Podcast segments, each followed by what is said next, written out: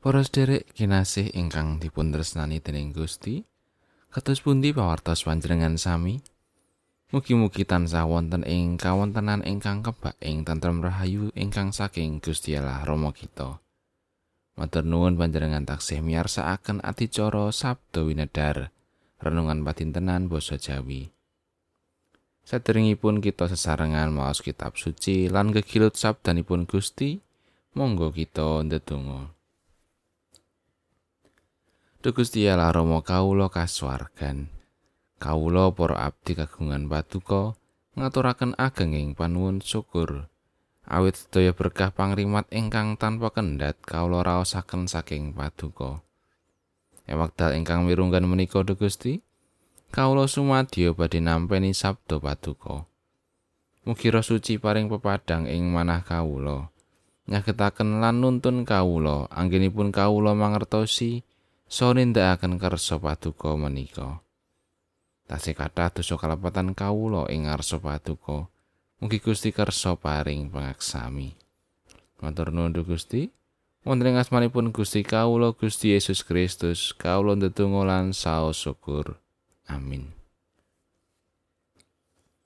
Waosan kapendet saking setunggal Yohanan bab kalih ayat kalih welas ngantos pitulas. Setunggal Yohanan bab kalih ayat kalih welas ngantos pitulas. He anak-anak, mulane aku nulis layang marang kowe. Marga dosamu wis padha kaapura marga saka kang asma. He para bapa, mulane aku nulis layang marang kowe.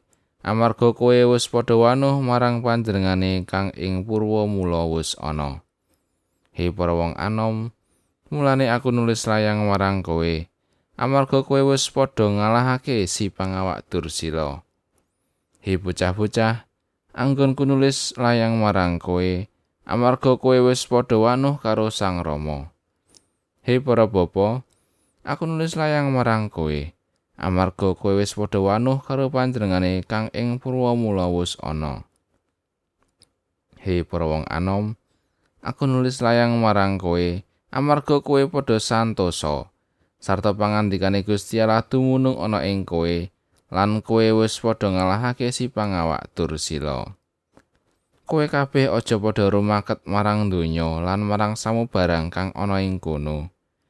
Menawa wong rumaket marang donya iku ora kadunungan katresnan marang Sang Rama. Sebab samubarang kang ana ing donya iku pepenginaning daging lan pepenginaning mripat tuwin digunging ngaurip. Iku ora saka sang rama nanging saka ing donya. Ana dene donya iki lan kamilikane nedhengi sirna. Nanging sapa kang lakoni kersane Gusti Allah iku tetep urip ing selawas-lawase. Makatan pangandikanipun Gusti ayat nat saking ayat pitulas. Ana dene donya iki lan kamilikane nedhengi sirna Nanging sapa kang lakoni kersane Gusti Allah iku tetep urip ing selawas-lawase. Rasul Yohanan paring pepenget dhateng tiang pitados bab wontenipun pangancam ingkang saged ngrisak patunggilaning tiang pitados kalian Gusti Allah. Inggih menika rumaket marang donya. Dadakanipun sepisan menawi tiang rumaket marang donya iku ora kadunungan katresnan marang Sang Rama. Ingkang dipun wastani donya ing riki sanes jagat ingkang kita ajeki. Ugi mboten tiyang ingkang wonten ing jagat menika. Donya ing riki inggih menika sedaya ingkang lelawanan kalian Gusti Allah. Kaping kalih, ana dene donya iki lan kamilikane nedhengi sirna. Estu tunggaling kebudhoan menawi manungsa nresnani bab-bab ingkang boten langgeng.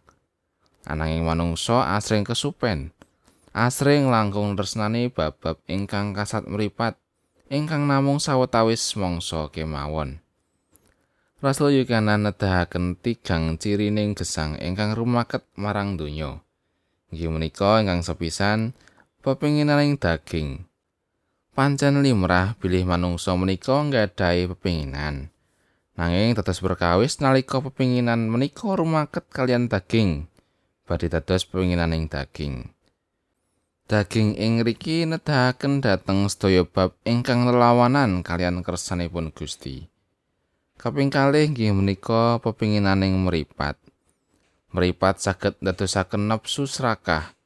Mila menawi nafsu serakah menika rumaket kalian pepinginaning meripat, mila saged ndadosaken dosa.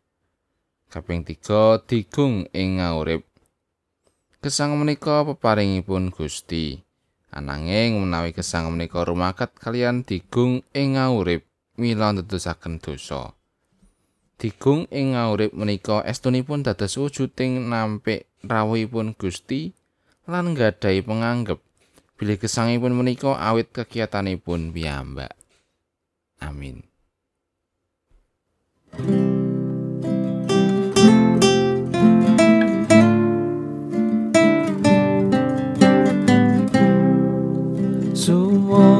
Marga ngarsane Gusti kita. Anggung asmanyo wit kang sanyoto. Maringken kang putra yeku markiniro wirato kita wa kesang sembodo